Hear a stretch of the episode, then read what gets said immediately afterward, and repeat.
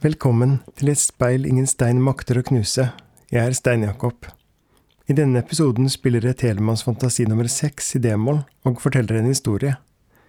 Skriabin forbinder musikk i D med fargen gul, mens Ernst Power skriver at d-moll uttrykker en undertrykket følelse av melankoli, sorg og angst. Et alvor. Denne månedens fantasi spiller jeg på oboe d'amore, et instrument stemt i A slik at det som Telemann skrev som D-moll, i virkeligheten klinger som H-moll, en toneart som synger om stille forventninger og et tålmodig håp.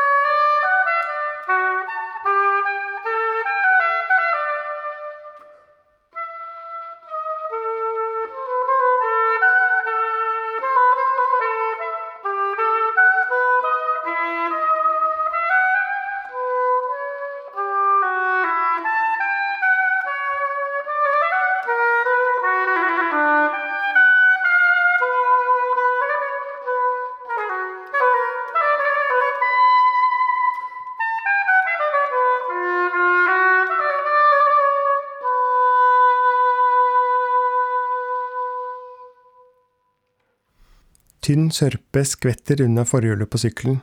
Baugen, som skiller vann mellom to faser. 20 centimeter av gårsdagens skinnende hvite drømmer smelter inn i denne dagens skittengrå slaps, slik en liten del av oss skal males til støv i en ny omregning i maskineriet, også i dag. Hun har som en av få dette året privilegiet å kunne låse sykkelen fast i stativet utenfor, og låse seg selv inn med studentkortet. Atelieret lukter maling og støv etter flere generasjoner glemte kunstnere. Navnene som ble til støv mellom de få som nådde opp. De som uten å merke det bærer så mange drømmer for andre, rister maset på trappen før de går inn til hverdagen hjemme. Kaffetrakteren er som vanlig halvfull av kald kaffe etter kvelden før, og som vanlig rydder hun stabler av halvtomme kopper fra kummen ned i oppvaskmaskinen før hun skrubber kolben. Hun knepper opp ulljakken mens trakteren gjentar gårsdagen. Det våte håret klistrer seg til pannen. Det er denne tiden som teller, tiden før tankene har rukket å tas igjen. Kassen med materialer står urørt siden dagen før. Runde, gule skiver og sibirsk lerk som over natten har forvandlet seg tilbake til mulighet. I vinduskarmen ligger to små tannhjul og et større som er påbegynt. Utenfor vinduet passerer ansiktsløse voksne på vei til gjentagelser ingen vil huske dem for. Jobber man ikke med å forsvare i sosiale sammenhenger. Tannhjul ingen stiller spørsmål ved, ledd på ledd i fortsettelsen av linjen som startet med de nomadene som lot være å flytte teltene, de som forsto gjentakelsens mulighet, at kornet kom tilbake om man sådde det på nytt. Morn. Hun vippes inn i verden igjen. En medstudent kommer inn, slipper munnbindet i søppelkassen og rister på hendene før hun er tørr nok av spriten til å kneppe opp ullfrakken. Paraplyen drypper stille i gangen bak ham. God morgen. Hun blir stående og se ham gå gjennom kjøkkenavdelingen og hente seg en kopp kaffe på vei til arbeidet. Et stort, abstrakt maleri står på staffeliet. Han snakker i forbifarten, som til seg selv eller en handsfree. Bussene var stappfulle i dag. Drittvær. Hun svarer ryggen hans. Du får kjøpe deg en sykkel, da. Da sparer du penger også. Heller ikke i dag kan han si så mye som takk for at hun har laget kaffe. Det er bare hennes funksjon i denne maskinen. Han retter på webkameraet som peker mot staffeliet. Mer enn halve speilet er nå dekket av maling. Verket som skal overskygge kunstneren og leve sitt eget liv ender mest av alt opp med å sladre om tiden det blir til i. Hun hever stemmen. Er det sant at du skal knuse det og selge videofilen på auksjon? Så du har altså hørt om NFT? Kopiere pøbel i samme måned som han satte fyr på Lovers? Burde du ikke i det minste finne en ironisk måte å gjøre en ironisk vri på? Som du kan forholde deg ironisk til, du som er født på 80-tallet? Hun merker at latteren er tilgjort sa hun ironisk, sier han, og setter fra seg koppen idet han vender seg tilbake mot staffeliet. Hun er holdt i tannhjulet hele tiden, tommelen i midten, og tre av fingrene flettet sammen med tennene på den ferdige siden, mykt støv mot fingrene, som er hvite ikke bare av støv. Regnet renner seigt gjennom trafikkstøvet på vindusruten og tegner linjer som speiler maleriet hans.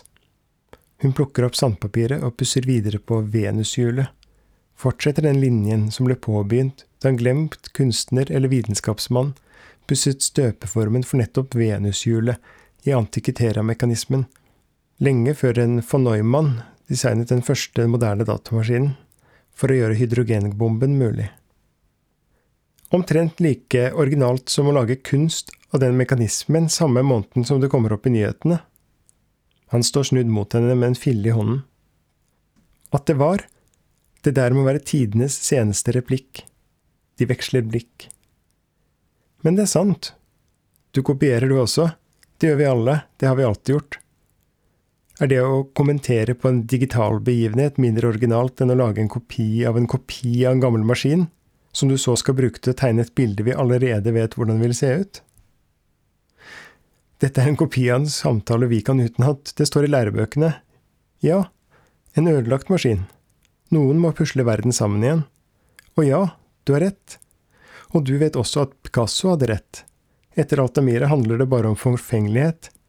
Maleriet var fullendt for 15 000 år siden. Han har snudd seg vekk før hun er ferdig med foredraget. Jobber videre med et verk han allerede har fått mye oppmerksomhet for, bare fordi han er god på å markedsføre seg selv. Han som kommer fra studier i digital markedsføring og rett inn på Kunstakademiet, som for å bevise noe. Hun er gul på innsiden. Selvsagt var det nyheten som hadde inspirert henne, men hvor får vi inspirasjon fra, om ikke fra hverandre? Er ikke originaliteten død for lengst? Og kan man la være å ignorere en brukket linje, en linje som kanskje ville ført oss et helt annet sted om den ikke hadde endt på havets bunn utenfor Hellas et sted? En mekanisme som med overraskende stor nøyaktighet kunne beregne de intrikate planetbanene i et himmelrom der jorden står i sentrum. Linjene planetene tegner opp på himmelen, kunne like gjerne vært billedkunst, og når det nå snart blir det, hvem er da kunstneren? Og hva er forbindelsen mellom den som laget den opprinnelige antikitera-mekanismen under en gul, stekende sol i Hellas, og hun som står her i en smeltende vinter som skal oversvømme så mange av stedene i øyriket? Dagen kommer langsomt i gang. Flere ankommer, arbeider. De spiser, fletter tannhjulene i det sosiale maskineriet sammen, veksler replikker og blikk om det som på overflaten virker uvesentlig, men som er det de aller fleste samtaler består av, og dermed også tilværelsen. Alle trivialitetene som dekker over erkjennelsesoverskuddet, slik kunsten er til for å plassere ubehaget utenfor seg selv. Flere setter de ubrukte koppene i vasken i stedet for i oppvaskmaskinen, bare for å ta nye kopper fra skapet en time senere. Hun tar seg i å tenke at det sosiale består i å beregne de andres intrikate baner i et himmelrom der en selv står i sentrum, der de tilsynelatende umotiverte bevegelsene danner linjer i et abstrakt maleri ingen får se.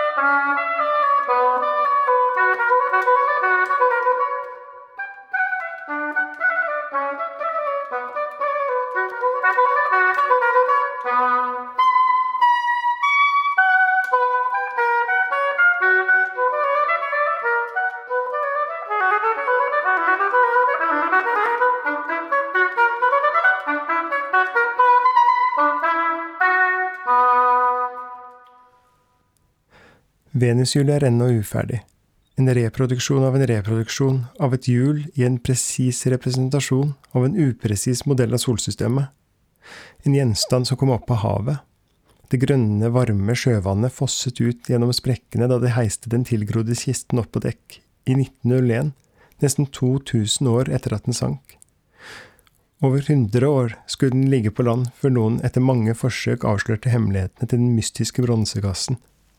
Ved hjelp av gjennomlysning, 3D-modellering, avanserte simuleringer, intuisjon, flaks og nysgjerrighet. Hva vil en kunstig intelligens ha gjort i møte med et slikt funn? Falt inn i tanker om hva den selv ville vært om akkurat den båten ikke hadde gått ned? Hun blir stående med tannhjulet i hendene, prøver tennene mot et av de andre. På gaten utenfor er ansiktsløse mennesker på vei hjem i det skittengrå ettermiddagsregnet trettere av dagens rotasjon i maskineriet.